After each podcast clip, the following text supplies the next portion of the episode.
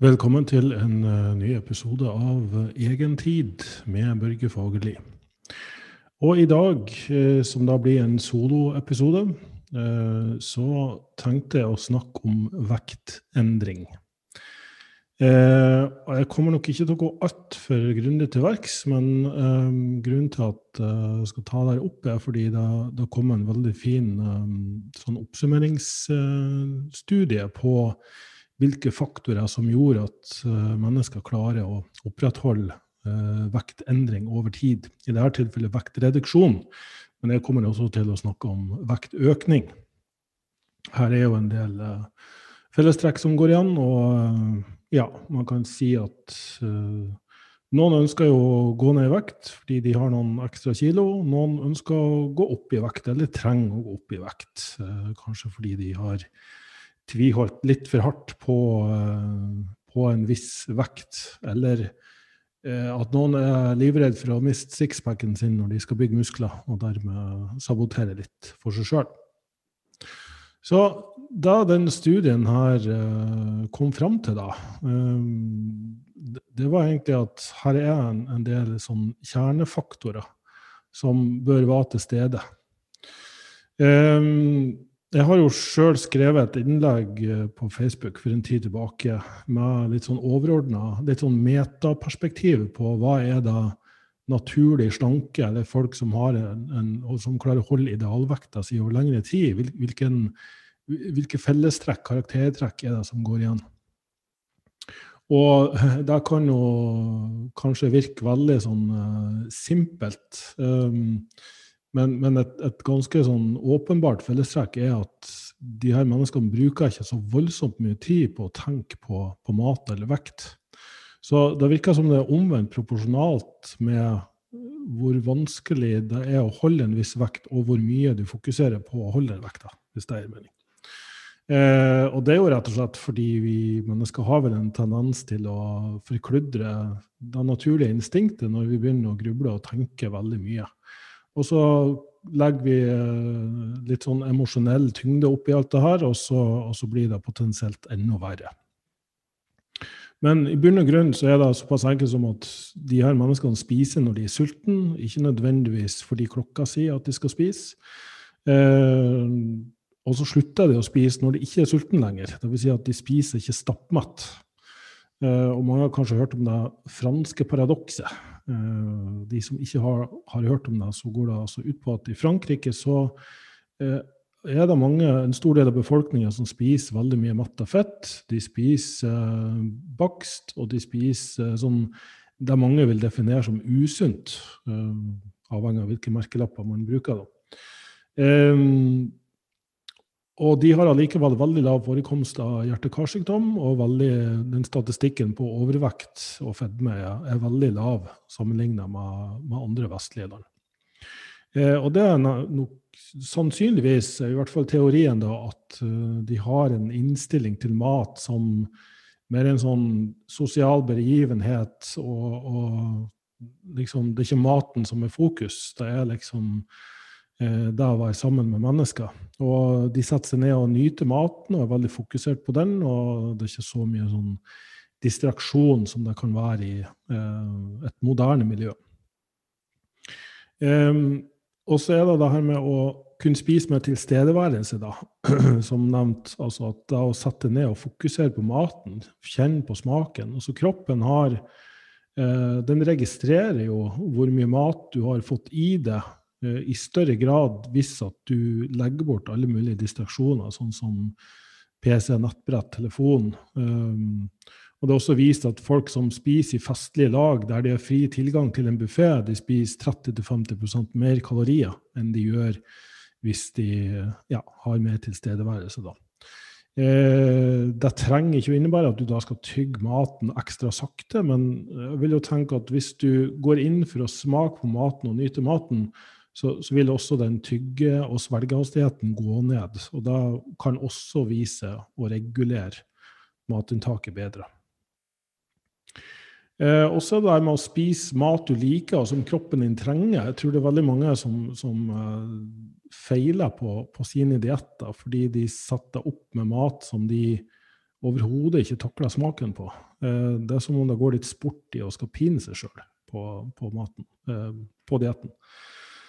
Eh, og da virker jo veldig mot sin hensikt. Fordi det er, en, det er en viss grense for hvor mye disiplin og viljestyrke man kan bruke for å komme seg gjennom noe. Eh, det er litt sånn ferskvare, det her. Så hvis du stadig vekk føler at du må tvinge deg sjøl både til trening og, og spise den maten som da en eller annen har bestemt skal være sunn, så, så vil sannsynligheten for at du, du hopper av, være, være mye større. Eh, og I det hele tatt å kalle det en diett kan jo også være litt dumt for mange. Eh, da å tenke på det her mer som en livsstilsendring, der du spiser mat som du liker. Når du er sulten til du er passe mat, der har du egentlig de mest overordna eh, trinnene du trenger for å, for å, oppnå langvarig, langsiktig suksess og permanent eh, suksess. Litt, litt, sånn bærekraftighet i den tankegangen, da. Og så har vi òg et instinkt som er tuna inn på hva kroppen faktisk trenger. Og det er, jeg vil si, det er flere ting, da, men i all hovedsak er det tre ting. Det er at du får i deg nok protein. Eh, hvis du underspiser protein stadig vekk, eller spiser veldig proteinfattig, men kaloririk mat, så vil du spise mye mer kalorier totalt sett, rett og slett fordi du har en slags sånn termostat på da, det proteininntaket. Da. Eh, og hvor den termostaten ligger, det kommer litt an på om du er stillesittende eller du er aktiv. Men eh, jeg vil si at de aller fleste, hvis man skal sette litt sånn detaljnivå på det, rundt 150 eh, Nei, unnskyld. 1,5 til 2 gram per kilo kroppsvekt. Eh, men igjen, det her kommer helt an på personen. Og jeg vil si at da spise rundt 30-40 gram protein per, per, måltid, og du har tre til fire måltid per dag, da vil for de aller fleste dekke behovene. Eh, og i mat så vil det her eh, være rundt 150-200 eh, gram kjøtt, kylling eller fisk. Eh, det tilsvarer fem egg, fire til seks egg, kan vi si, da, avhengig av størrelse på de. Hvis du kun spiser det, selvfølgelig. Spiser du en omelett med egg og litt kjøtt og litt ost, så, så blir det desto mindre porsjoner. Eh, eventuelt kan du drikke en liter melk, da. Så 30 gram protein, ca. 35 gram protein, da får du i én liter melk. Og det er jo kanskje litt vanskelig for folk flest å drikke én liter melk som et måltid. Men uh, det kom en, nylig en sånn ikke-nyhet vil jeg kalle om uh, at du trenger ikke proteinpulver. fordi uh, Det var en norsk studie, og der demonstrerte de da at de som bare drakk melk, de fikk like god muskelvekt som de som bare tok en proteinshake. Men gitt at forskning også har vist at du må opp i mellom 20 og 40 gram protein i forbindelse med trening, eller da i et måltid, som sagt, for å få da proteininntaket du trenger for å, for å sette i gang denne prosessen, så tror jeg de fleste også tenker at da å ta en proteinshake er litt mer effektivt enn å, enn å ta en liter, drikke en liter med melk. Eh, så for meg er det en ikke-nyhet. Selvfølgelig trenger du ikke proteinpulver. Du kan spise mat eller du kan drikke melk, men det er litt enklere med et proteinpulver. Jeg bruker sjøl proteinpulver ca. én gang om dagen. Eh, det kan gå dager der jeg ikke bruker det, men jeg ser bare på det som en litt billigere og enklere proteinkilde. Yes, så ferdig med det. Da kan vi gå løs på den uh, studien da, som så på de, uh, de, faktorene som var til stede. Uh, den første og kanskje viktigste er at du har en overordna positiv innstilling og hensikt med det å skulle endre på vekta di. Du bør grave litt dypere i verdisystemet ditt, og hvis at du gjør det her for liksom ja, for å kanskje se bedre ut i speilet, så kan det være veldig bra. Det kan fungere for veldig mange. Men det er ikke sikkert det er viktig nok. Hvis legen din sier at du, nå må du, du må gå ned 25 kg, fordi ellers så kommer du sannsynligvis til å dø av hjerteinfarkt i, i løpet av fem år fordi du er i risikosonen, og du nettopp har blitt mamma eller pappa, da tenker jeg at du ikke trenger motiverende selvsnakk eller noe sånt. YouTube-videoer for å ta tak i det her. Da gjør du det fordi det her rett og slett vil uh, være nødvendig for å, for å, ikke dø. Så da å gjøre det for helse og velvære, det høres litt sånn svevende og flytende ut, og kanskje litt løst definert. Men graver du litt dypere i det og, og reflekterer over at altså Jeg gjør jo det her fordi jeg vil være sunn og frisk, først og fremst. Men jeg har blitt pappa til en nydelig liten gutt for tre og et halvt år siden. Og han er uh, en av de største og viktigste tingene i livet mitt, og jeg vil leve lenge. Uh, jeg var jo en, ganske seint ute. Jeg er jo 46 år i dag. Så jeg har jo forhåpentligvis mange år igjen uh, før jeg går bort, og jeg ønsker å se at han vokser opp. Så for meg er det å ta vare på helsa mi særdeles viktig, og mye viktigere enn det var når jeg var i 20-årene. og Det bare handler om å bygge muskler og, og, ha sixpack. Men det er vel noe som kommer med tid, tenker jeg. Um, noen har godt av å gjøre det her for å få bedre selvtillit. Eh, ikke bare fordi det å se bedre ut uh, kan booste selvtilliten din, men det gir jo litt mestringsfølelse også, da at du faktisk kan endre det sjøl, og ikke er stuck i Altså at du er ikke dømt til å se ut på en bestemt måte uh, som du kanskje da er misfornøyd med. Og, og jeg skal overhodet ikke gå inn på hva skal man si er trivselsvekt, idealvekt, ideelt utseende. Det er noe som endres. Uh, det er forskjellig fra person til person, fra kultur til kultur, og det har endra seg òg gjennom de siste ti årene. Du husker jo på 50-60-tallet så skulle man jo gjerne ha litt rundere former. Og på 80-tallet var det de muskuløse actionheltene som gjaldt. Eh, for ti år siden, og kanskje fremdeles i dag, så skal folk flest være ganske tynne. Det er liksom ikke attraktivt å, å ha så mye muskler eller lav fettprosent lenger. Så, så, igjen kroppsideal til side. Eh, jeg tenker så, så fremt at du har en følelse av at du kan gjøre noe med situasjonen sjøl, og at du ikke er et offer, da er veldig viktig. Eh, flere faktorer. Flokkmentaliteten. Eh, det å tilhøre eh, en gruppe eller en gjeng. Det er derfor mange blir vel mye religiøse i forhold til hva slags diett de begynner å følge. Um, har du funnet ut at lavkarbo er greia, så vil du sannsynligvis begynne å henge i lavkarbogrupper på Facebook. Uh, og det samme hvis du er veganer, vegetarianer eller ja, hva enn du har slags diett du, du, har funnet ut som passer for det, da, så finnes det Facebook-gruppe og, og, forum for det, så man kan sitte der og føle at man er en del av det. Og Det interessante i den gruppedynamikken der er at hvis noen kommer og sier at det her ikke fungerer for de, eller at de sliter litt med det, så er det ofte de som får høre at de er problemet. Det er ikke kostholdet, det er de. Eh, er jo litt mer eh, der at jeg tenker at uh, folk må få finne det som fungerer best for de sjøl, og at mange faktorer som spiller inn. Det finnes ingen perfekt diett, sånn sett. Men det at du ønsker å tilhøre noe, da, hvis du føler det isolert, hvis du ser ut på en bestemt måte eller spiser på en bestemt måte, så vil du sannsynligvis endre på det for å komme tilbake inn i varmen igjen. Eh, og så er det òg litt sånn at vi er jo veldig ofte gjennomsnittet av de nærmeste personene i livet vårt. Så hvis alle personene dine er ja, svært overvektige eller svært tynne, så er jo sannsynligheten for at du etter hvert også vil se ut sånn som vennene dine, mye større.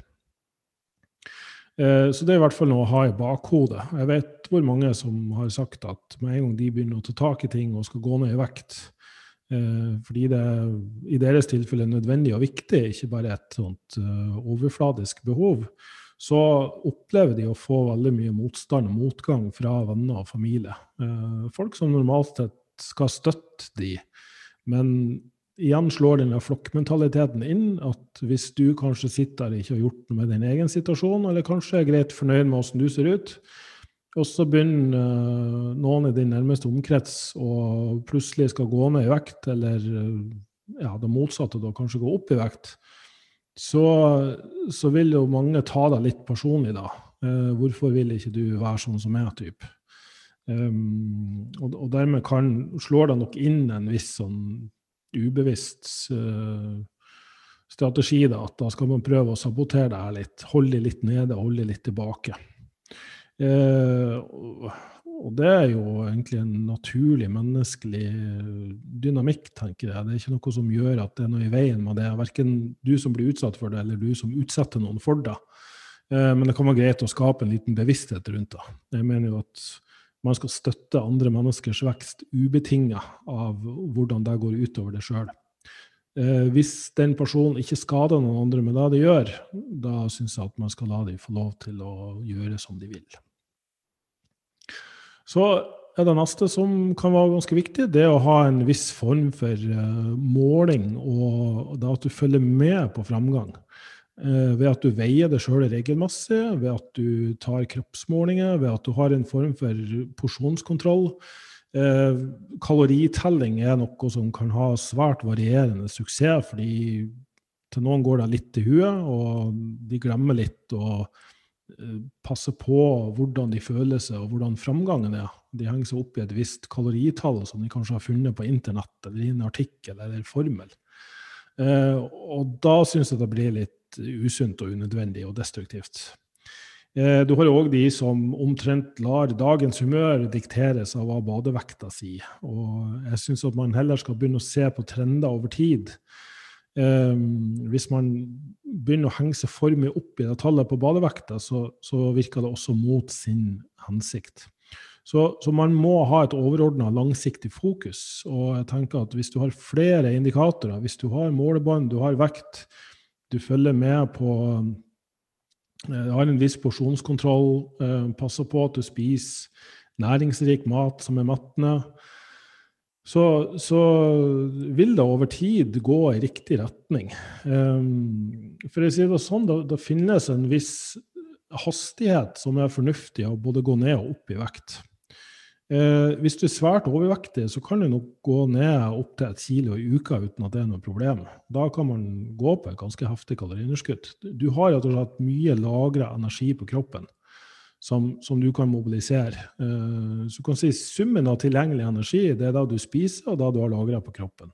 Og fett En, en, en gjennomsnittlig person med, med 15 kg fett på kroppen, sier at du veier 80 eh, 80 kilo, og så har du, så har du 20% i fettprosent.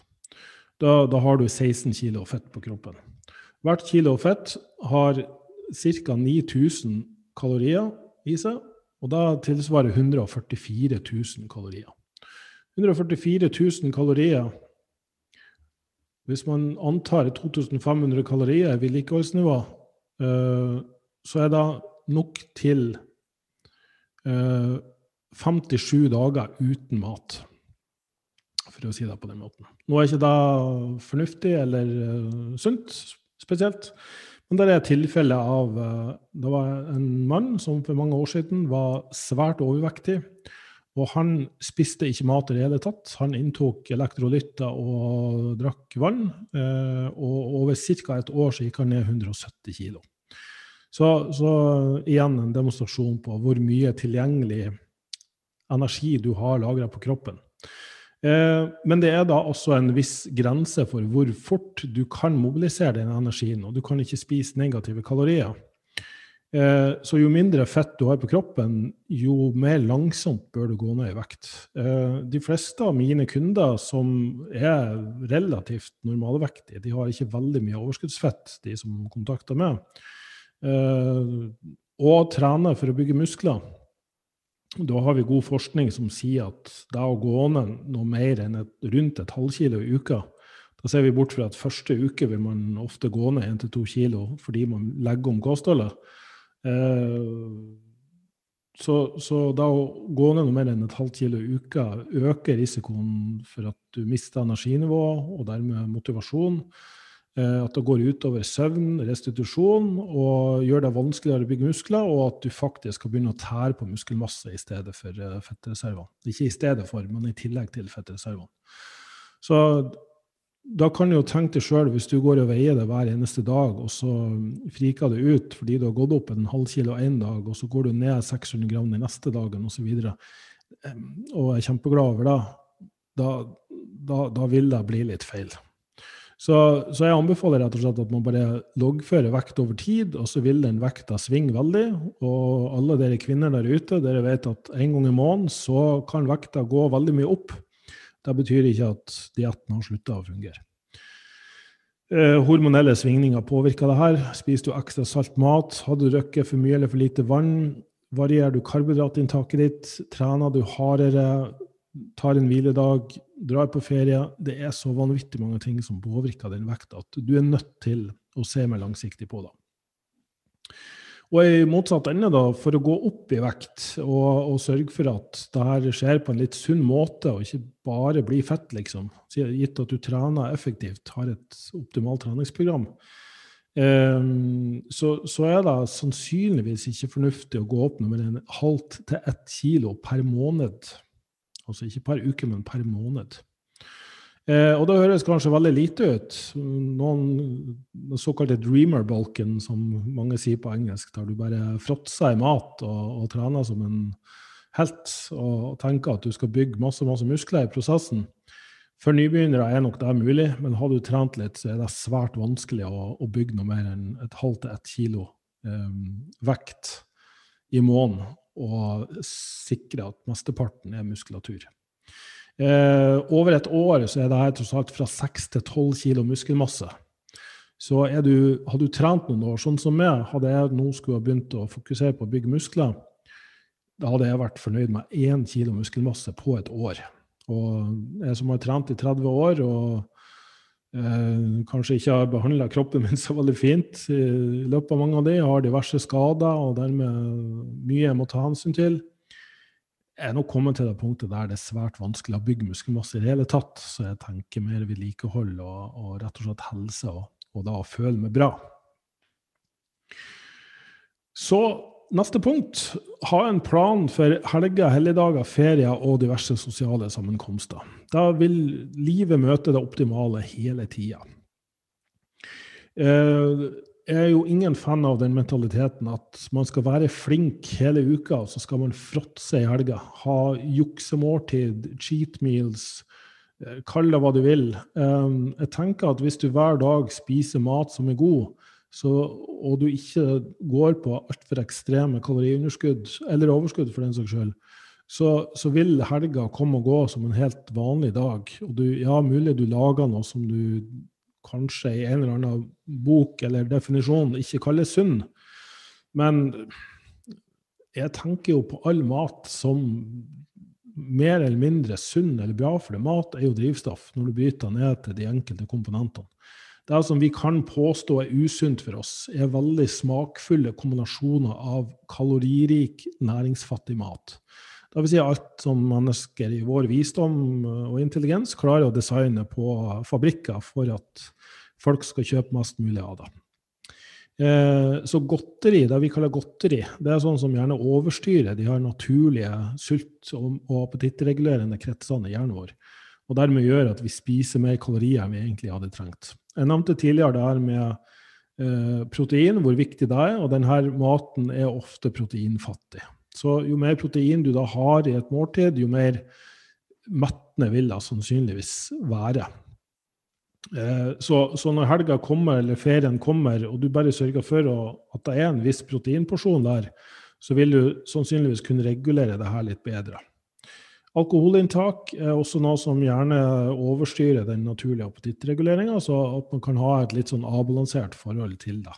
Eh, som vi pleier å si nordpå, det, er forskjell på å barbere seg og skjære av seg hodet. Så, så du, du, får reflektere litt over hva, hva det betyr.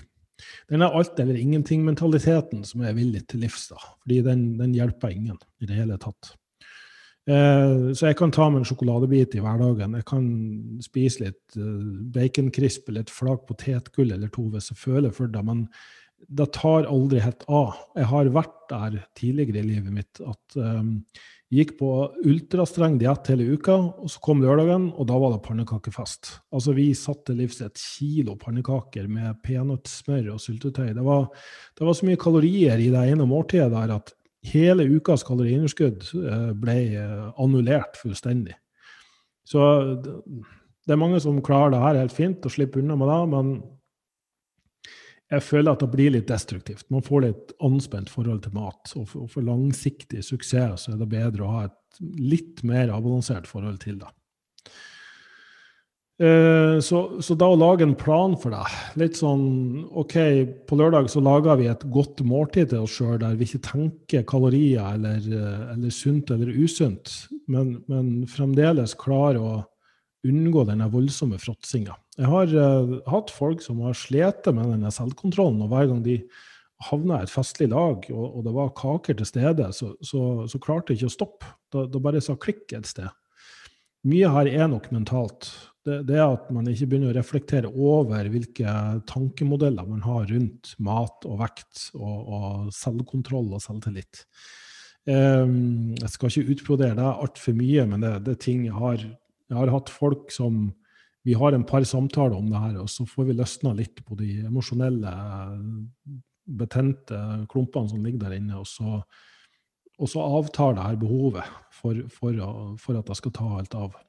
Men igjen, hvis kostholdet ditt er veldig restriktivt, og du har fryktelig mange regler og rammer rundt hva du skal spise, og når du skal spise det, og hvordan, så, så har det lettere for at det klikker andre veien når du, når du, først får muligheten til det, eller du først har tatt det ene kakestykket. Så jeg har hatt mennesker med det problemet som jeg har gitt i oppgave. Gå ut på kafé, sette seg ned, fullt fokus, slå av mobiltelefonen finn det beste kakestykket de, de, kan tenke seg.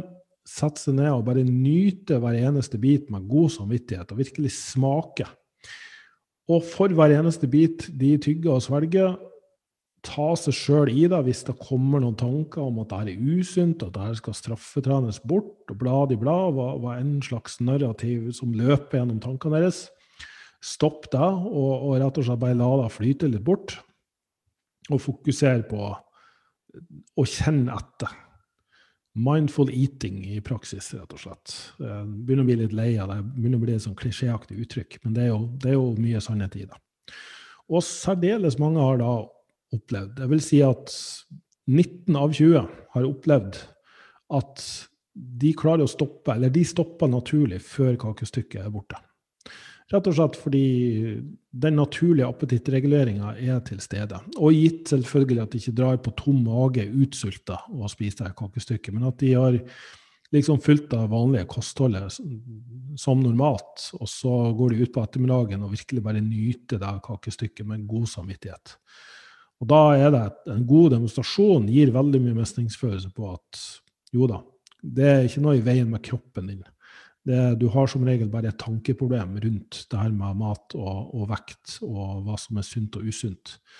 Bruker altfor mye tid på tolkninger og merkelapper og har et litt for rigid eh, perspektiv på, på, prosessen. Og ved å slippe litt opp på det, så, så kan det være nok til at det ikke tar sånn av hver gang. Så det siste poenget, da. Det er vel egentlig ikke det siste her er fryktelig mye ellers. Men i hvert fall det som jeg anser for å være viktig, det er jo at du har et supportsystem. Og der kan jo de her Facebook-gruppene være en fordel. Hvis du har folk der som er veldig backende og støttende, og der du deler at 'i dag gikk det ikke så bra', og så får du folk som sier at ja, det går helt fint, back on track osv., eller gir deg noen, noen fine innspill på hvordan du bør tenke på det, så, så, er det en nøkkel til suksess. Så, så det å ha noen som heier på deg, og som kan støtte gjennom de emosjonelle utfordringene eh, som, som det her er, det er alltid en fordel. Og, og, da, når jeg sier at de kan støtte, så mener jeg støtte. Ikke noen som Støtte trenger ikke å innebære at de alltid sier 'ja, men det her går så bra', så 'ja, men du er jo så fin', så. Altså, den, den der eh, den der overdrevne snillismen har ikke heller sansen for. Jeg, jeg, mener heller at man skal være litt ja, litt sånn tough love, da. Litt sånn brutalt ærlig på mange måter, men, men fra et kjærlig sted. At ja, det var ikke spesielt fornuftig, men, men hva har du tenkt å gjøre med det? Hva er en løsning? En løsning er jo ikke å ta fullstendig av og, og bare spise alt du kommer over, den såkalte seafood. Eh, dietten de neste to ukene og, og legger på de ti kilo, det har jo ingenting for seg. Jeg har en metafor som jeg har brukt i en artikkel for noen år siden, som, som mange ennå husker, vet jeg.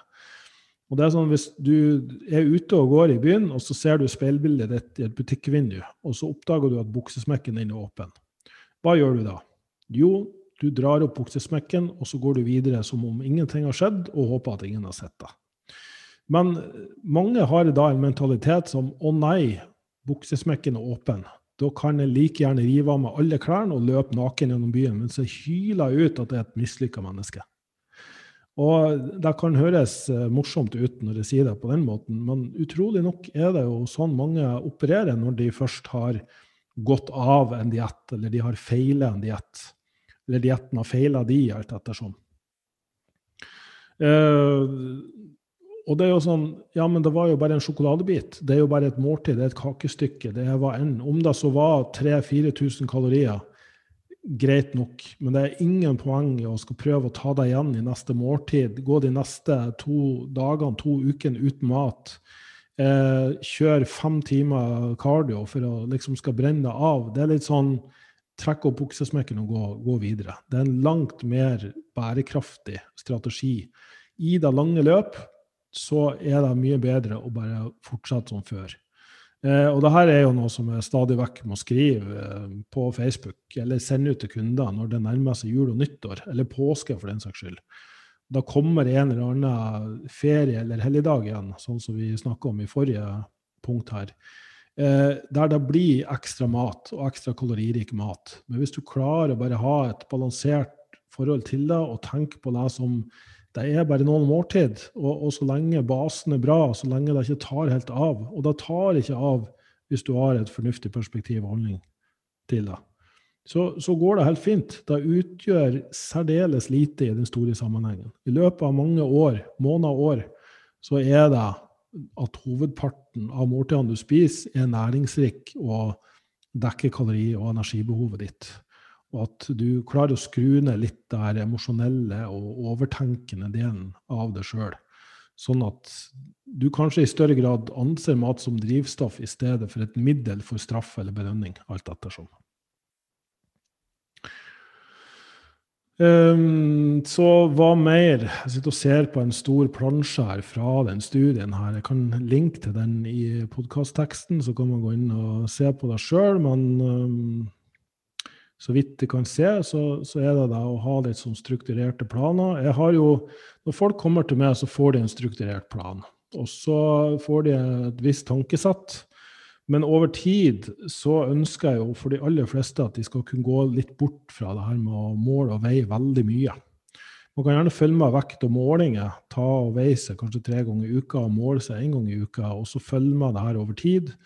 Men, men jeg har troa på at med, når matvalgene er på plass, og, og, og man har et, et, fornuftig opplegg uh, på plass, så, så, går det litt automatikk i det. Da, da, er det ikke noe du skal trenge å tenke veldig mye på. Faktisk har vi gode studier som viser at når folk bare får på plass litt sånn overordna på matvalg, um, jeg sett både på vei ned og på vei opp for å si det sånn. da. Både for vektreduksjon, når du, når du følger et kosthold som du kan leve med, så, så er det det som funker etter ett år. I, igjen litt sånn oppsummering av hva vi har snakka om akkurat her nå. Det er ingen, ingen diett som er perfekt, det er hva du faktisk klarer å følge over lang nok tid, som, som er det beste. Eh, og Det samme gjorde de faktisk en studie på Norges idrettshøgskole, der eh, de forsøkspersonene skulle bygge muskler. Målet var liksom å bygge mest mulig muskler. Eh, de ene fikk et fast kalorioverskudd på 500 kalorier, de andre bare spiste i forhold til sultfølelse. Og nå kan vi jo anta at siden det her er folk som går på idrettshøyskolen, at de hadde en viss formening om hva som var bra mat for dem. Hva som fikk de til å føle seg bra, ga de energi og overskudd, og at ja, det var nok protein til stede. Og her hadde de jo forventa at de som fulgte nøye med at de skulle spise 500 kalorier ekstra per dag, de vil bygge mer muskler. Eh, fakta var at de bygde like mye muskler, både de som spiste henhold til sultfølelse, og de som gikk på 500 kalorier ekstra per dag. Men de som hadde et fastbestemt, forhåndsbestemt kalorioverskudd, de la på seg ca. ti ganger mer fett. Og med ti ganger mer fett så, så mener jeg bare at de la ikke på seg så veldig mye fett, den gruppa som bare spiste etter sultfølelse, men de la på seg ja, litt mindre fett enn muskelmasse, den gruppa som uh, fikk 500 kalorier ekstra per dag. Uh, så, så, det var egentlig bare et sånt veldig fint bevis på at um, det å prøve å forhåndsplanlegge er nok en litt dårligere strategi enn å bare følge med litt over tid og så justere deretter. Så, så, går det ikke riktig vei hvis du skal på vei opp, bygge muskler og, og ser at det egentlig ikke skjer noe, at vekta ikke endrer seg, du blir ikke noe særlig sterkere på gymmet, gitt at programmet ditt er bra. Der har jo eh, absolutt noe jeg kunne snakka om en hel episode eller ti. Eh, så, så, kan det være så enkelt at du bare må spise litt mer. Og Da kan det hende at du må spise mat som smaker bedre og metter mindre, for at du naturlig skal klare å spise mer. Noen har en liten sånn sperre på det der. Jeg, jeg mener jo Sånn intuitivt så tenker jeg at hvis du trener på en sånn måte at du blir mer sulten, så er du på riktig vei. Eh, men for enkelte, og meg sjøl inkludert, så, så, har jeg nok en slags naturlig sperre for å, for å spise mer mat. Eh, jeg skal ikke påstå at det ikke har noe med frykt for å miste eh, altså synlige magemuskler. Da, da har det nok. Men jeg, har, jeg, er av natur ganske tynn, så jeg har måttet brukt veldig mye tid og innsats for å bygge muskler gjennom de her årene. Eh, så i mitt tilfelle så må jeg av og til telle kalorier for å passe på at jeg faktisk spiser nok mat. Og det har nok åpenbart også med at de matvalgene jeg tar, er mat som metter ganske bra, og, og, og, gir, gi lite kalorier i forhold til hvor mye metthet de, de gir. Så for eksempel, da. En, en liten branebit kan fort være 400-500 kalorier. Samme kalorimengde i f.eks. potet, det er nesten trekvart kilo. Altså mellom halvt og trekvart kilo, avhengig av potettype. Eh, skal vi måle i f.eks. epler, så, så måtte du ha spist fire store epler. Fem, ja, bortimot fem store epler for at du skal få like mye kalorier. Så, så da skjønner du sikkert at sånn smakfull mat med kombinasjoner av karbohydrater og fett Karbohydrater og fett finnes kun naturlig i naturen i melk, som er laga for at et menneske, eller et dyr for den saks skyld, skal vokse veldig hurtig på over kort tid. Eh, og, og, nøtter, altså ting som er tilgjengelige for dyr eh, i en kort periode når de skal fete seg opp før, før vinteren.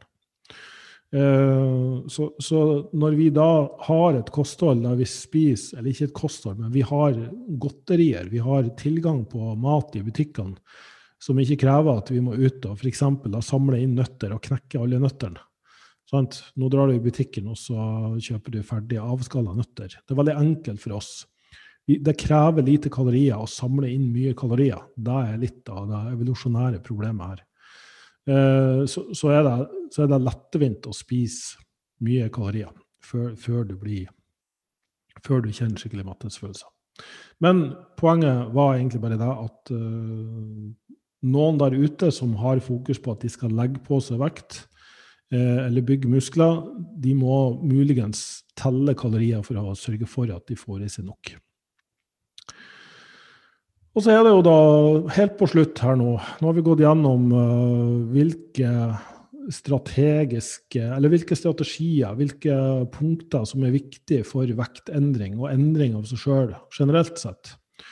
Uh, men så tenker jeg at her er det òg en, en sånn litt sånn avslutningsvis noen fine ting å, å, å ha litt i bakhodet. Hvis du kan ha litt respekt for deg sjøl, ha litt sånn omsorg for deg sjøl, at du skal ta vare på deg sjøl, at du kommer fra det perspektivet, i stedet for at du alltid skal dømme deg sjøl. At du ikke er bra nok eller god nok. Eh, sånn som jeg pleier å si, hvis du opererer ut fra det perspektivet at du er allerede bra nok, men du er på en reise for å forbedre deg sjøl. Så har du en større sjanse for suksess enn hvis du opererer fra det perspektivet at det er noe i veien med det som må fikses hele tida. For da blir du aldri ferdig med å fikse. Så, så aksepter og anerkjenn at ingen av oss er perfekt. Vi uh, vil gjøre mange feil. Uh, men, men jeg det sjøl med litt respekt, så, så, så, har du mye større sjanse for at det skal gå bra uh, over lengre tid. Uh, og så er det her med at vi har negative tanker om oss sjøl. Eh, det at vi sliter, vi har utfordringer, at ting kan være tungt og vanskelig. Du er ikke alene om det. Det er veldig felles for deg å være menneske. Så, så det å både innse at andre har det på samme måte, og at det er mulig å dele det her med andre og få forståelse for det. Og får du ikke forståelse, så kan du dele med noen andre som faktisk har forståelse. For det, det er klart det er ikke alle som har forståelse for alt. Eh, så er det ganske viktig. Eh, jeg syns også en form for tilstedeværelse med altså den, Det å klare å regulere hvor mye du tror på tankene dine, og hvor mye du tror på det som er virkelighet. Det, det høres kanskje litt diffust og abstrakt ut, men um, det å gjenkjenne hvor mye av det du føler, er tanker, og hvor mye du kanskje prøver å, å undertrykke eller skyve bort visse tanker, så, så, kan det være veldig nyttig. Det Gir veldig mye selvinnsikt å begynne å, å kunne ta et steg tilbake og, og, se litt mer i nøytralitet på hvilken historie du faktisk driver og forteller det hele tida, og, og hvor sant den egentlig er. Neste poeng er å kanskje begynne å reflektere over om de de handlingene, de mønstrene, de programmene du går ut ifra når det skjer noe med deg, er nyttig for deg, eller om at det finnes mer hensiktsmessige måter å dekke de behovene og de ønskene du har. Um, veldig bredt tema. Kommer sikkert til å komme tilbake til det senere. Men ja, la det være med det. Og jeg syns også det er fint å reflektere hva må endre seg, slik at det behovet eller ønsket du har, ikke er like viktig. Eh, og med det mener jeg at noen tror at selvtillit handler om at du bare har positive tanker om deg sjøl.